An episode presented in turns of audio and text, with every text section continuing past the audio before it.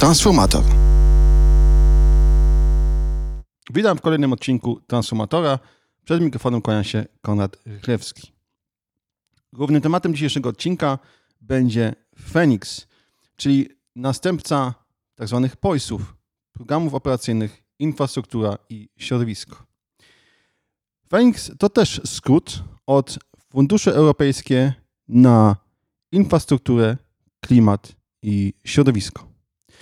Podobnie jak POISy w poprzednich perspektywach budżetowych Unii Europejskiej, Phoenix będzie najważniejszym, największym źródłem europejskiego dofinansowania dla inwestycji infrastrukturalnych w latach 2021-2027. Łącznie cały program Phoenix opiewa na ponad 25 miliardów euro, czyli ponad 110 miliardów złotych. Dzisiaj zajmiemy się częścią środowiskową i energetyczną. Ma ona wartość 8 miliardów 789 milionów euro, ale tradycyjnie zaczynamy najpierw od serwisu informacyjnego. A w samym serwisie zaczynamy od Warszawy. Warszawa zdecydowała, kto wykona e, prace przedprojektowe dla trzeciej linii metra między stacją Stadion Narodowy a Gocławiem. Będzie to odcinek o długości 9 km, a do tego powstanie 6 nowych stacji i jeszcze jedna stacja e, techniczna Kozia Górka. Powiedziałem e, powstanie, ale powinienem pewnie powiedzieć powstałyby, ponieważ jest bardzo mało prawdopodobne, że kiedykolwiek tą linię w tym projektowanym kształcie zobaczymy w rzeczywistości. Na te prace przedprojektowe Warszawa, czyli my wszyscy e, mieszkańcy Warszawy, wydamy 19,2 miliona złotych. Moim zdaniem te 19 milionów będzie wyrzuconych w błoto. Czemu? Już w momencie głosowania przez Radę Miasta wokół tego projektu, tej trasy trzeciej linii metra urosło bardzo wiele kontrowersji. Dość powiedzieć, że y, większość Platformy Obywatelskiej w Radzie Miasta przegłosowała ten przebieg linii metra jeszcze zanim mogła zapoznać się z wynikami studium technicznego. To studium utwierdziło y, raczej krytyków niż zwolenników tego przebiegu. Pokazało ono, że pojazd poruszający się po tej nowej linii metra będzie szybszy od autobusu na podobnej linii o około pół minuty. Pół minuty. A dodajmy, że przecież y, w przeciwieństwie do autobusu czy ewentualnego tramwaju, pasażerowie podążający w kierunku centrum, jak dojadą do stadionu narodowego, będą musieli się przesiąść. Czyli cały ten czas, e, który ewentualnie zyskają w stosunku do autobusu, zmarnują e, czy stracą na przesiadanie się do innego środka transportu, na przykład do pociągu poruszającego się na długiej linii metra. Dodajmy, że najczęściej metro jest praktycznie dwa razy szybsze niż autobus. Autobusy w mieście miejskie linie autobusowe uzyskują prędkość handlową na poziomie około 16-18 km na godzinę. Tramwaj e, przy bardzo dobrym mm, poprowadzeniu linii, przy e, pierwszeństwie na skrzyżowaniach, przy stosunkowo e, daleko oddalonych od siebie przystankach uzyskuje do 26 km na godzinę. Kolej miejska uzyskuje około 35 km na godzinę, natomiast metro jest zbliżony do kolei miejskiej, ale ma najczęściej trochę częstsze przystanki, dlatego e, uzyskuje e, prędkość handlową zbliżoną do kolei miejskiej, ale nie tak dobrą jak, jak, jak, jak kolej. Więc normalnie metro jest dwukrotnie szybsze, natomiast tutaj E, ten, ten zysk czasowy to jest pół minuty, czyli praktycznie tyle co nic. I to studium techniczne mm, wykazuje, że ta inwestycja ledwo, ledwo przekracza próg efektywności ekonomicznej i to wyrażone w liczbach to jest niewiele ponad jeden. Dla porównania linia tramwajowa między metrem a Wilanowem ma ten współczynnik na poziomie prawie 6, czyli sześciokrotnie bardziej ekonomiczna, bardziej opłacalna.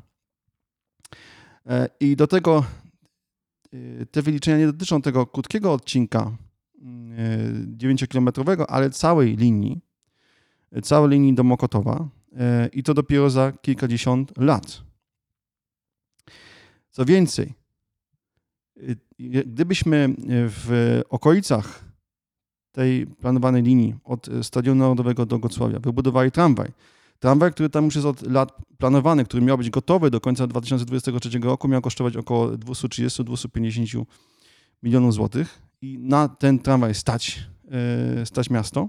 Ten tramwaj mógłby powstać, nawet teraz mógłby jeszcze powstać do końca właśnie 2023 roku i odciążyć E, drogi, e, odciążyć ruch kołowy w tej części miasta, przyłączyć tą część miasta do e, wydajnej sieci transportu szynowego.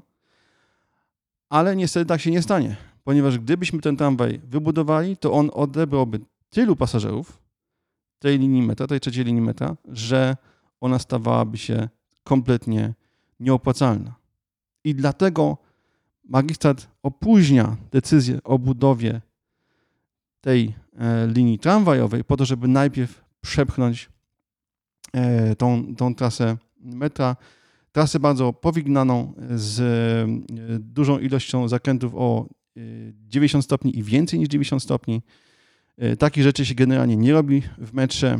Metro, skoro jest najdroższym środkiem transportu w aglomeracjach, to jest planowane tak, żeby maksymalnie wykorzystać jego atuty prędkościowe żeby te linie były e, rysowane czy projektowane w linii prostej, żeby jak najmniej było łuków, żeby można było e, nadrabiać i poprawiać błędy urbanistyczne sprzed lat, wykorzystując fakt, że metro jako jedyny środek transportu może być planowany niezależnie od siatki ulic. E, teoretycznie oczywiście moglibyśmy wyobrazić sobie na przykład sieć tramwajową czy kolejową, niezależną od układu ulic, ale najczęściej wymagałaby ona wielu wyburzeń. Natomiast w przypadku metro, to metro po prostu przejedzie pod ulicami, pod budynkami i umożliwia właśnie poprowadzenie je jak najkrótszą e, drogą e, e, właśnie tak, żeby skrócić maksymalnie czas przyjazdu. Natomiast niestety w przypadku tej kuriozalnie poprowadzonej linii, trzeciej linii metra między stadionem a Gocławiem kompletnie nie korzysta się z tych atutów metra do tego stopnia, że, że osiąga ono prędkość przejazdu zbliżoną do autobusu. I czemu mówię, że najprawdopodobniej ta linia nigdy nie powstanie, zresztą nie powinna powstać, yy, ponieważ mm, linia o takiej długości z tyloma przystankami będzie kosztować co najmniej 1,5 miliarda złotych. Yy, znając ceny warszawskie, będzie to pewnie bliżej 2 miliardów. Warszawa nie ma tylu środków finansowych, żeby sama udźwignąć tą inwestycję i oczywiście będzie się zwracała o środki europejskie. Ale żeby otrzymać te środki europejskie, to trzeba spełniać pewne wymogi efektywności finansowej, efektywności ekonomicznej i te wymogi ta linia nie będzie spełniać. Po prostu Unia Europejska nie będzie dofinansowywała linii, która jest o, y, o pół minuty szybsza od autobusu i, i która będzie kosztowała 2 miliardy złotych. Nie ma takiej możliwości, więc można założyć, że z góry było wiadomo, że te 19 milionów jest wydane na prace, które później się nie przydadzą. Bo oczywiście, że Praga Południe powinna być połączona z lewobrzeżną Warszawą linią metra, ale linią metra e, o zupełnie innym przebiegu. Więc nie chodzi o to, żeby e, tam metro w ogóle nie powstało, tylko żeby powstało w sposób sensowny, racjonalny i jak najbardziej korzystny dla przyszłych pasażerów, ponieważ ta linia metra jest na tyle nieudolnie zaprojektowana, że nie stanowi atrakcyjnej alternatywy dla pasażerów względem autobusów czy tramwajów. Przykro, że e, Rafał Trzaskowski forsuje taką inwestycję. Zawsze ją można porównać na przykład z wyborami kopertowymi, gdzie Jacek Sasin zmarnował co najmniej 70 milionów, ale gdybyśmy przeliczyli 70 milionów złotych na powiedzmy 30 milionów płatników podatku w Polsce, a 19 milionów złotych na płatników podatku, którzy żyją w Warszawie, to wyjdzie, że e, to marnotrawstwo ze strony Rafała Trzaskowskiego jest dużo, dużo większe. Co oczywiście w żadnym wypadku nie usprawiedliwia Jacka Sasina, ale pokazuje, że niestety ani politycy Platformy Obywatelskiej, ani politycy PiSu za bardzo środkami publicznymi i ich racjonalnym wydawaniem się nie przejmują. Polskie sieci energetyczne poinformowały, że e, tu podaję stan z 1 sierpnia bieżącego roku.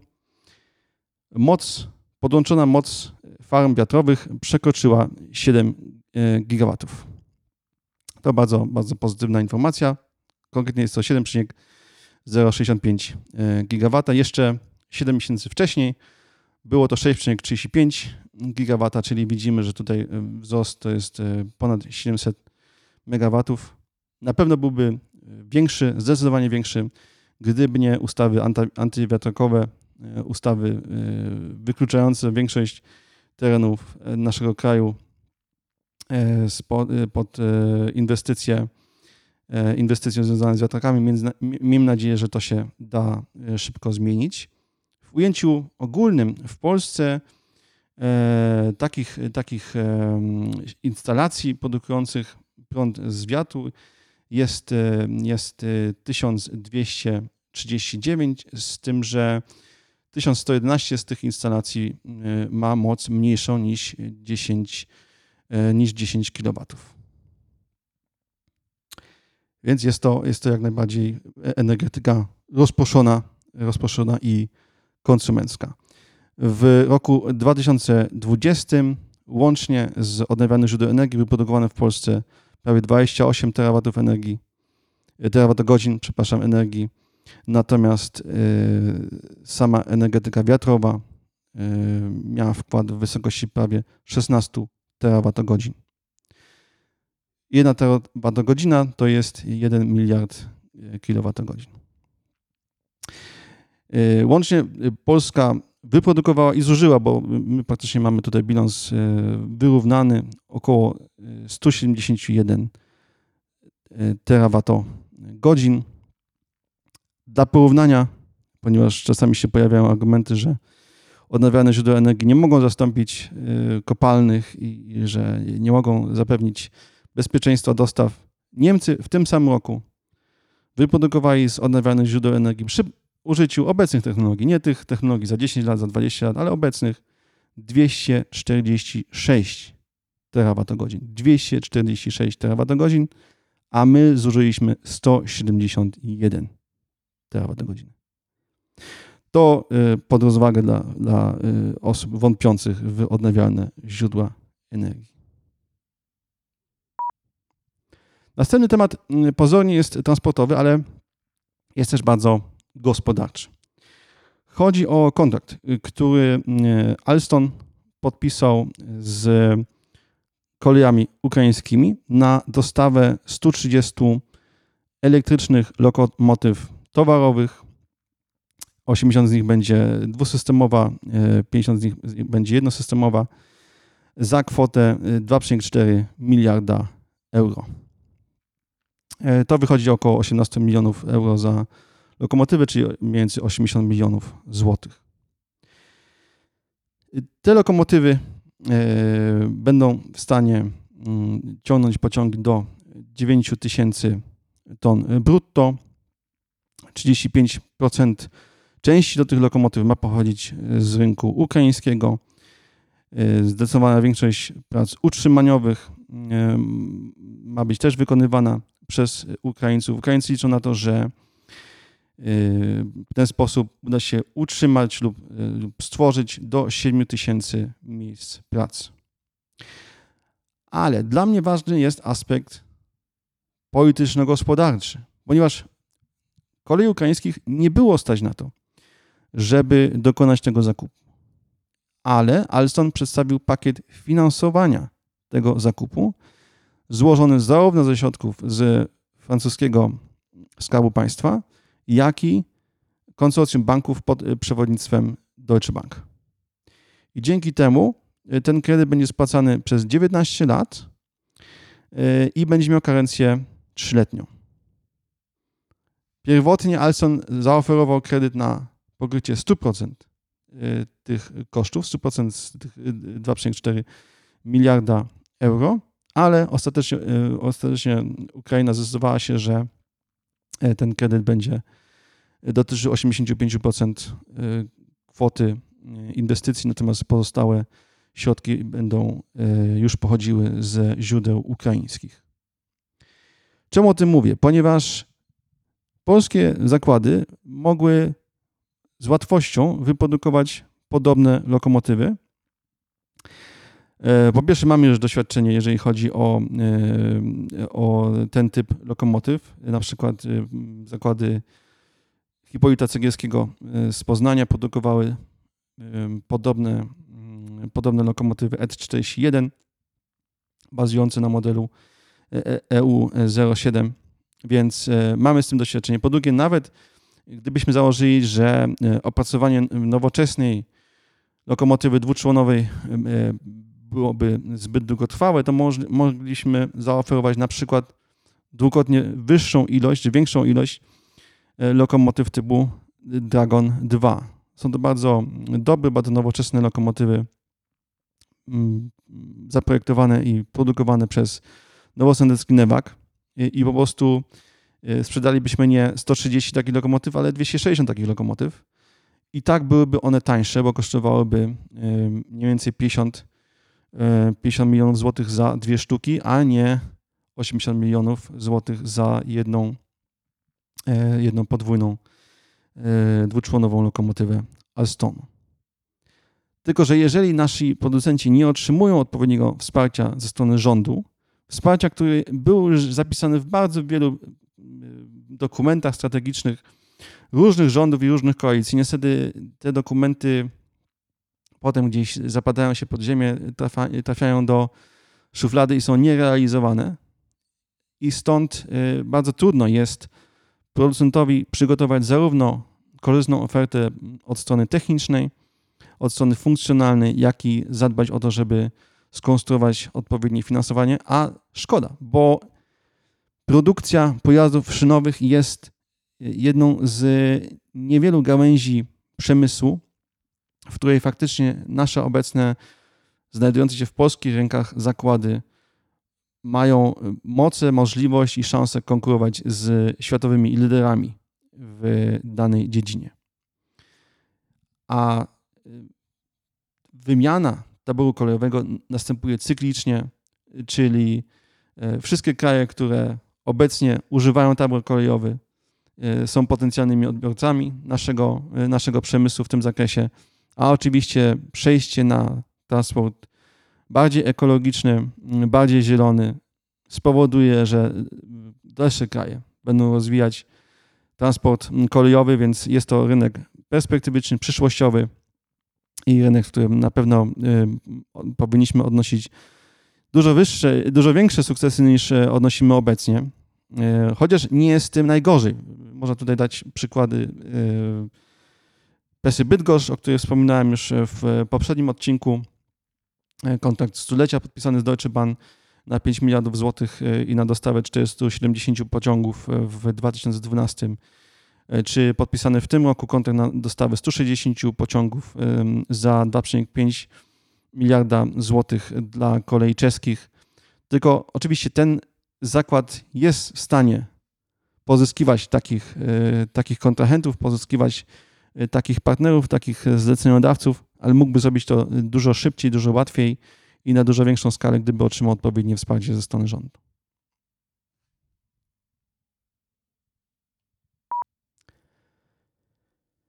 Poznań jeszcze się pojawi u nas później w serwisie, w serwisie informacyjnym, ale już teraz zawitamy do stolicy Wielkopolskiej yy, i yy, są tutaj pozytywne informacje, a mianowicie przywrócone zostanie funkcjonowanie dworca w starym budynku dworca głównego w Poznaniu. Ten budynek e, stoi pusty, stoi nieużywany od momentu e, uruchomienia tzw. Tak awenidy, czyli galerii handlowej przy dworcu Poznań Główny. E, w, tym, w, w tej galerii mm, umiejscowiono kilka kas. Kasy działają też na dworcu Poznań Zachodni, ale budynek, w którym poprzednio obsługiwane podróżnych stoi nieużywany. I to się ma zmienić. Według optymistycznych prognoz ma to nastąpić do końca roku 2022. Co więcej, ma się też zmienić numeracja peronów. Numeracja peronów na dworcu Poznań Główny jest dość osobliwa, ponieważ patrząc od strony e, tego nieużywanego obecnie budynku dworca głównego, po prawej stronie mamy perony 4, 5, 6, a po lewej stronie mamy perony 1, 2, 3, a w przyszłości też 3A. E, więc e, szczególnie dla osób, które rzadko korzystają z tego węzła kolejowego, może to być e, pewną przeszkodą, może to, być, może to wprowadzać w błąd. Więc bardzo dobrze, że trwają prace nad tym, żeby tutaj wprowadzić bardziej logiczną numerację tych peronów.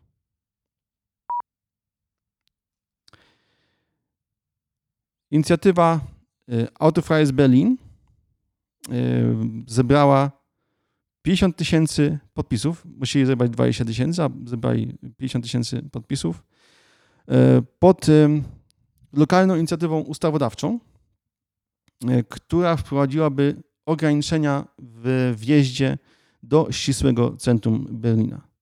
Centrum Berlina jest otoczone E, takim ringiem, takim, taką okolną linią szybkiej kolei miejskiej, nazywaną, e, nazywanej w, w Niemczech S-Banką, e, czyli Stadtbahn. I ten tak zwany ring właśnie otacza cały środek miasta, całe, całe śródmieście. I ta inicjatywa Berlin bez samochodów, tak by się jakby tłumaczyło na polski, postawiła sobie za zadanie zmniejszenia ruchu Y, samochodowego w ścisłym centrum Berlina zakładają, że gdyby wprowadzić proponowane przez nich rozwiązania, to ruch ten zmniejszyłby się o 65%. Co proponują? Proponują, żeby y, każdy mógł wjechać swoim samochodem y, prywatnym do ścisłego centrum Berlina 12 razy w roku. Konkretnie chodzi o całe dnie.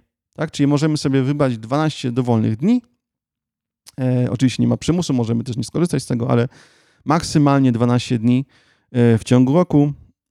Mm, według pomysłodawców rejestrowalibyśmy się online i wskazywali na to, że właśnie e, albo się przeprowadzamy, albo chcemy wyjechać na duże wakacje, mamy mnóstwo, mnóstwo bagaży, albo z jakiegoś innego ważnego powodu chcemy wjechać do centrum stolicy Niemiec i wtedy otrzymywalibyśmy na to zgodę po prostu i moglibyśmy bez ograniczeń korzystać w ciągu tego wybranego przez nas dnia z ulic znajdujących się w ścisłym centrum Berlina.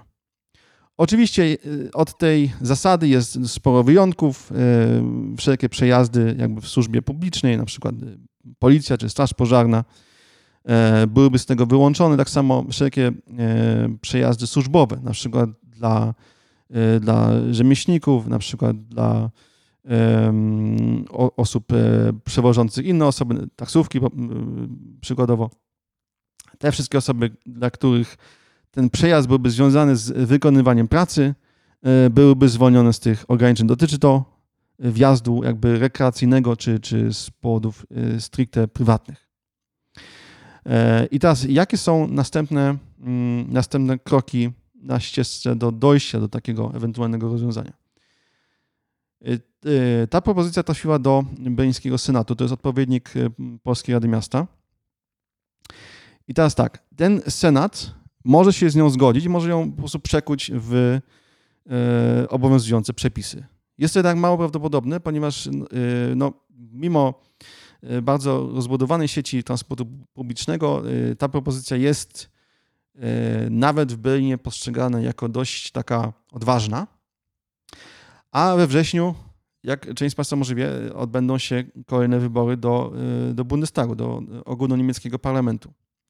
Więc żadna frakcja berlińskiego senatu nie będzie chciała się narazić, popierając wdrożenie tych, tych zasad i pewnie odrzucą, odrzucą te propozycje. Jaki, jakie są następne kroki? Jeżeli Senat odrzuci e, tą, e, tą inicjatywę ustawodawczą, to wtedy w przyszłym roku e, inicjatorzy mogą się starać i już zapowiedzieli, że będą się starali o referendum, o wiążące referendum lokalne.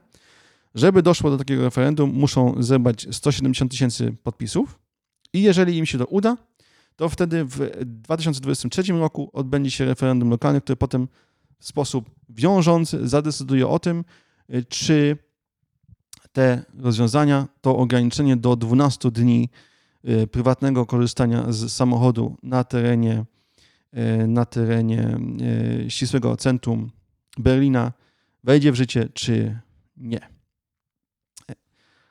Oczywiście z perspektywy Polski i z perspektywy klasy politycznej, która jest zakochana w samochodach, Y, która y, na domiar złego sądzi, że e, podobną miłością do indywidualnego ruchu kołowego e, pawają też e, prawie wszyscy mieszkańcy naszych miast. Taka inicjatywa może się wydawać no, kosmiczna, prawda? Trudna do, do w ogóle wyobrażenia sobie. Ale to, że odnosi takie sukcesy, że spotyka się z tak y, pozytywnym przyjęciem i to już na takim wczesnym etapie, pokazuje też ogromną przepaść, jeżeli chodzi o podejście do, y, do mobilności w miastach między mieszkańcami Berlina a mieszkańcami wielu naszych miast. Chociaż oczywiście nie wolno nam tego przesądzać, ponieważ nikt w Polsce nie próbował czegoś podobnego, więc całkiem możliwe, że tutaj Y, ta przepaść jest tylko pozorowana, właśnie przez to, że, że nikt nie miał odwagi, żeby spróbować coś, y, czegoś podobnego, ale pamiętać też należy, że niestety zaniedbania minionych 30 lat spowodowały, że ta infrastruktura, którą mamy y, w naszych miastach i przede wszystkim ta oferta transportu alternatywnego, transportu zbiorowego, czy też przemieszczania się pieszo lub rowerem, jest e, na tyle uboga, że dużo trudniej byłoby zgromadzić, byłoby zebrać odpowiednio duże i silne poparcie społeczne. Berlińscy inicjatorzy mają oczywiście też jakby żądania mm, towarzyszące. Domagają się, żeby po pierwsze rozbudować bardzo mocno transport publiczny i stawiają tutaj na, przede wszystkim na rozwiązania, które są szybkie do wdrożenia, czyli na przykład nie na Y, bardzo drogie inwestycje w metro, ale dużo tańsze inwestycje w linie autobusowe i tramwajowe. Po drugie, domagają się tego, żeby mm, przemodelować podział przestrzenny śródmieścia Berlina, żeby mniej przestrzeni było przeznaczone na y, parkowanie czy na drogi, które będą oczywiście dużo mniej potrzebne, jeżeli ruch się zmniejszy faktycznie o 65%, a więcej przestrzeni na tereny rekreacyjne, na tereny zielone, na drogi dla rowerów, e, e, na miejsca na przykład dla, e, dla ogródków kawiarnianych czy restauracyjnych i, i oczywiście też dla pieszych, czyli na przykład na szersze chodniki. Jest to z całą pewnością bardzo ciekawa inicjatywa i będę śledził jej dalsze losy i informował Państwa, jak, jak to się będzie dalej rozwijać. Na koniec wróćmy do wspomnianego już Poznania. W roku 2009 y, zakończyła się instalacja nowego systemu sterowania ruchem kolejowym produkcji firmy Thales, to jest francuska firma. Firma, która notabene będzie za chwilę kupiona przez Hitachi Rail za 1,66 miliarda euro. To jest mniej więcej tyle, ile ona ma rocznych przychodów, y, bo one sięgają około 1,6 miliarda euro. E, I e, Hitachi Rail nie kupuje całego Thalesa, ale kupuje e, Ground Transportation Systems, czyli dział Thalesa, który odpowiada za systemy sterowania ruchem kolejowym i drogowym oraz za systemy poboru płatności. E, czyli w przyszłości, jeżeli nadal będą występować awarie, bo niestety znowu chodzi o awarię tego systemu e, sterowania ruchem kolejowym w Poznaniu, to będziemy rozmawiać z Koreańczykami, przynajmniej pośrednio. E, ten system w Poznaniu jest niestety bardzo zawodny. On ostatnio ulega awariom mniej więcej co 6 do 12 miesięcy. Największa miała miejsce w roku 2016 od tego momentu mm, obowiązuje, jak to y, określa PKP PLK, y, zaostrzony rygor nadzoru. Niestety ten zaostrzony rygor nadzoru może co najwyżej przyspieszyć y, naprawianie tych usterek, ale nie udaje mu się spowodować, żeby te usterki mm, przestały istnieć. Jak informuje rząd, nie należy się spodziewać poprawy w tym zakresie przynajmniej do końca inwestycji związanych z E20 i E59, y, tych, które mają się zakończyć do y, końca 2023 roku. A że wiemy, że PKP PLK planuje dalsze inwestycje na y, linii E20 w kierunku zachodnim, no to można się spodziewać, że jeżeli nie zapadnie decyzja o całkowitej wymianie tego jednak bardzo niedoskonałego systemu Thalesa na dworcu Poznań Główny, to pasażerowie będą się y, zmagali jeszcze wielokrotnie z takimi awariami jak ostatnio 30 lipca.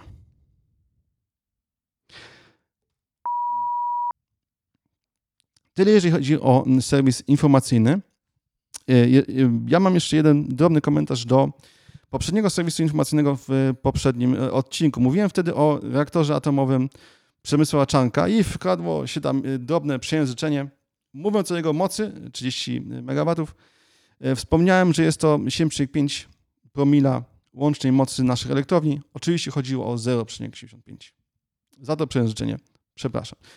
Przechodzimy teraz do tematu głównego, czyli do Feniksa, konkretnie do jego części e, środowiskowo-energetycznej. Sam Fenix łącznie ma ponad 25 miliardów euro. Y, natomiast y, część, y, część środowiskowo-energetyczna ma 8,789, czyli 8 miliardów 789 milionów euro. I wszystkie kwoty, które teraz będę podawał, są w euro, więc, więc żeby nie było tutaj przejęzyczeń, to po prostu będę podawał same kwoty bez, bez waluty. Ta kwota nie przesądza o łącznej wartości wszystkich inwestycji E, związanych z nią, e, z, z energetyką i z, ze środowiskiem, ponieważ e, łączna kwota inwestycji będzie zależała od tego, jaki będzie wkład własny.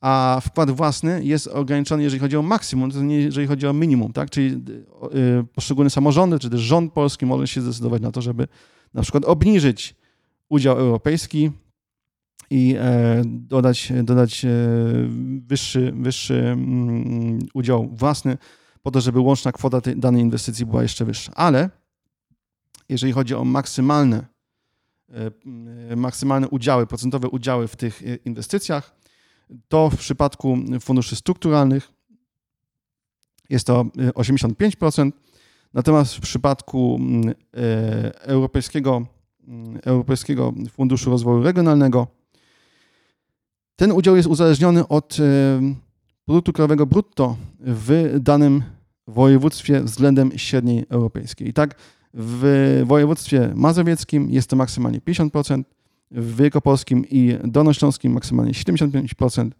a w pozostałych województwach maksymalnie 85%. Czyli reasumując, na pewno łączna kwota inwestycji związanych ze środowiskiem i, e, i energetyką będzie wyższa niż e, te prawie 9 miliardów, ale 8 e, miliardów 789, 789 milionów to jest tyle, ile, e, ile Unia Europejska przeznaczy na ten cel. No dobrze. Co, czego, się możemy czego się możemy spodziewać, jeżeli chodzi o Feniks, jeżeli chodzi o środowisko i energetykę? Ten program rozpisany jest na prawie 200 stron, więc nie będziemy tutaj mówić o e, wszystkich szczegółach, ale ale przyjrzyjmy się kilku, powiedzmy, anomaliom. Po pierwsze, jeżeli chodzi o energetykę wiatrową i energetykę, energetykę słoneczną, to na energetykę słoneczną przeznaczone jest 2,5 więcej środków europejskich niż na, niż na e, energetykę wiatrową. A e, konkretnie to chodzi o tutaj o 250 milionów euro i 100 milionów euro. To jest o tyle problematyczne, że energetyka wiatrowa jest, e, szczególnie lądowa energetyka wiatrowa, jest najtańszym źródłem energii elektrycznej. E, po prostu prąd z paneli słonecznych jest droższy od e, energetyki lądowej. Dlatego e, generalnie taka dysproporcja jest niekorzystna dla odbiorców końcowych, bo zapłacą po prostu wyższe rachunki za prąd. idźmy dalej. Jeżeli sobie zerkniemy na przykład na działania związane z ograniczaniem skutków powodzi, to na te działania przeznacza się 10 razy więcej środków niż na ograniczenie skutków pożarów. A jeżeli sobie zerkniemy na doświadczenia na przykład krajów południa, y, gdzie obecnie szaleją straszne pożary, zresztą nie tylko tam, tak samo jest na przykład na Syberii, tak samo jest y, na zachodnim wybrzeżu Stanów Zjednoczonych, to widzimy, że bagatelizowanie zagrożenia ze strony pożarów, y, co jest widoczne przy takiej dysproporcji 60 milionów y, euro na pożary, a 600 milionów na powodzie, może być nie do końca, y, nie do końca adekwatne. Ale są dwa jeszcze gorsze aspekty tych planów rządowych. Po pierwsze, 8% tego całego budżetu ma zostać przeznaczone na gazownictwo ma e, zostać przeznaczony na dystrybucję gazu ziemnego i e, na e,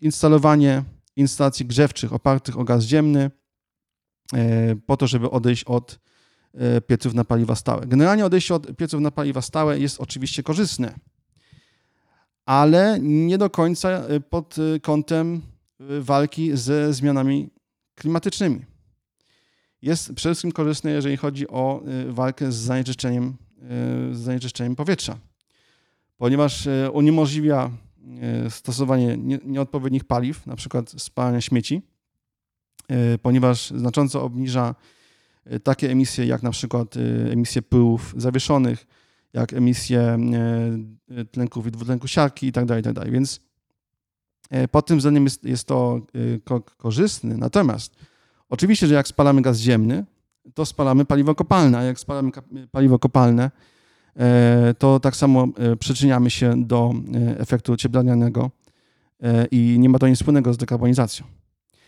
Więc te 770 milionów, 600 milionów na dystrybucję, 170 milionów na, na wymianę, wymianę źródeł ciepła należy przenieść na inny dział związany z e, termomodernizacją. Ja osobiście go tam po prostu dodał, ale jeżeli chodzi o moje wnioski, to, e, to jeszcze za chwilę do nich wrócę. Więc to jest jeden duży problem. A duży, drugi duży problem e, polega na tym, że rząd podzielił w czterech przypadkach podzielił plany inwestycyjne na dwie bardzo podobne do siebie kategorie gorszą i lepszą. I tak, na przykład e, na e, rewaloryzację obszarów przemysłowych i rekultywację e, skażonych gruntów generalnie jest 30 milionów euro, natomiast na tą samą rewaloryzację i rekultywację, ale zgodnie z, z kryteriami efektywności energetycznej jest tylko 20 milionów. Czyli na tą jakby mniej efektywną energetycznie rewaloryzację, rekultywację jest więcej, a na tą lepszą jest mniej. W przypadku biomasy y, mamy też y, zwykłą biomasę i biomasę y, z wysokim poziomem redukcji emisji gazów cieplarnianych. Na zwykłą jest 90 milionów, na tą lepszą 17. Ale są też przypadki dużo wyższych dysproporcji. E, jeżeli chodzi o kogenerację, to na zwykłą kogenerację jest 924 miliony, a na kogenerację z obniżoną emisją w cyklu życia 100 milionów. W przypadku odprowadzania i oczyszczania ścieków na jakby zwykłe inwestycje w tym zakresie jest 950 milionów, jeszcze więcej. Natomiast na inwestycje spełniające kryteria efektywności energetycznej 100 milionów. I e, to, jeżeli chodzi właśnie o najważniejsze aspekty, które moim zdaniem wymagają, e, wymagają poprawy. E, I jak to zrobić? Jak dokonać tej poprawy? Po pierwsze, to, co już wspominałem, czyli to wszystko, co, powinno, to, co miało iść na gazownictwo, należy przekazać na termomodernizację. Obecnie na termomodernizację zaplanowano w wersji podstawowej 720 milionów, więc ja bym tutaj dodał te 770. E, co więcej, dodałbym połowę z inteligentnych sieci energetycznych. Czemu? Ponieważ e, PiS rozdział, e, czy też akapit o inteligentnych sieciach energetycznych umieścił w tym samym podrozdziale, w którym mówi o sieciach gazowych, o gazociągach. I to dla mnie jest troszeczkę podejrzane, dlatego że oprócz tego jest jeszcze inny podrozdział w innej części Feniksa, w której wyraźnie i jednoznacznie mówi się o sieciach elektroenergetycznych. Tam jest 122, tam jest 122 miliony e, euro. I ja bym po prostu przeniósł połowę z tych środków, które są niby na inteligentne sieci, ale tak naprawdę mogą być troszeczkę też na gazownictwo, właśnie na tę modernizację, a drugą połowę na te inteligentne sieci, które już są stricte sieciami E, sieciami elektroenergetycznymi. Tak, żeby tam było 622 e, miliony, e, a w przypadku termomodernizacji i, w przypadku remontów to są głównie budynki mieszkalne, miliard 990 milionów euro. Zresztą, tak naprawdę ten budżet jest jeszcze wyższy, ponieważ dodatkowo mamy 536 milionów euro też na termomodernizację, ale w połączeniu z, działami, z działaniami e, pilotażowymi e, i, e, i wspierającymi. E, więc e, jeżeli ma to polegać na tym, że rząd sobie będzie drukował ulotki albo stawiał billboardy e, wychwalające termomodernizację, zamiast tak naprawdę poddawać budynki termomodernizacji, to zdecydowanie wolałbym, żeby jednak gro tych środków poszło nie na popularyzację tych przedsięwzięć, a na to, żeby te przedsięwzięcia faktycznie były, e, były wykonywane. E, pamiętajmy o tym, że w Polsce mamy ponad 3 miliony budynków e, jednorodzinnych, które wymagają termomodernizacji. Zgodnie z takim dużym opracowaniem, które pojawiło się ponad 6 lat temu pod tytułem Renowacja 2050,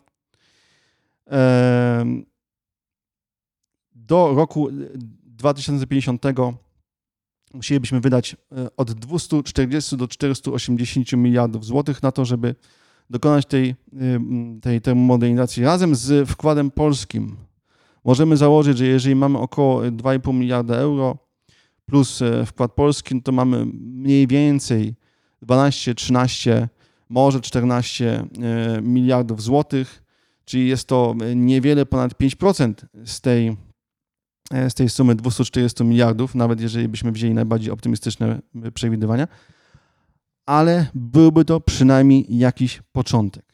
Więc e, tyle, jeżeli chodzi o tę modernizację. Już o inteligentnych sieciach elektroenergetycznych wspominałem. I trzecim ważnym aspektem byłoby odwrócenie tych relacji między lepszymi inwestycjami z danej dziedziny tak? czyli na przykład z spełniającymi kryteria efektywności energetycznej, a zwykłymi. Bo ja rozumiem, że czasami nie da się zastosować e, z jakichś e, e, obiektywnych, racjonalnych przyczyn najlepszych możliwych technologii. Nie da się uzyskać wybitnie, wybitnie udanych czy, czy wybitnie imponujących parametrów. I powinna być furtka, która będzie umożliwiać wykonywanie takich inwestycji czy przeprowadzanie takich inwestycji mimo tego, że nie będą one może najlepsze w swojej dziedzinie. Ale to nie może być tak, że 90% środków w danej tematyce pójdzie na te gorsze, a 10% na te lepsze, tylko trzeba to odwrócić. Tak, żebyśmy starali się budować e, jak najlepiej, wykorzystując e, najlepsze dostępne, e, dostępne technologie i rozwiązania. Więc tyle, jeżeli chodzi o program Phoenix w dziale środowisko i energetyka. Już w następnym odcinku zajmiemy się działem transportowym. Tam, jak nie trudno się domyśleć, znając zamiłowanie polskiej prawicy do transportu samochodowego, jest jeszcze więcej do zmienienia, więc z całą pewnością będzie to ciekawe.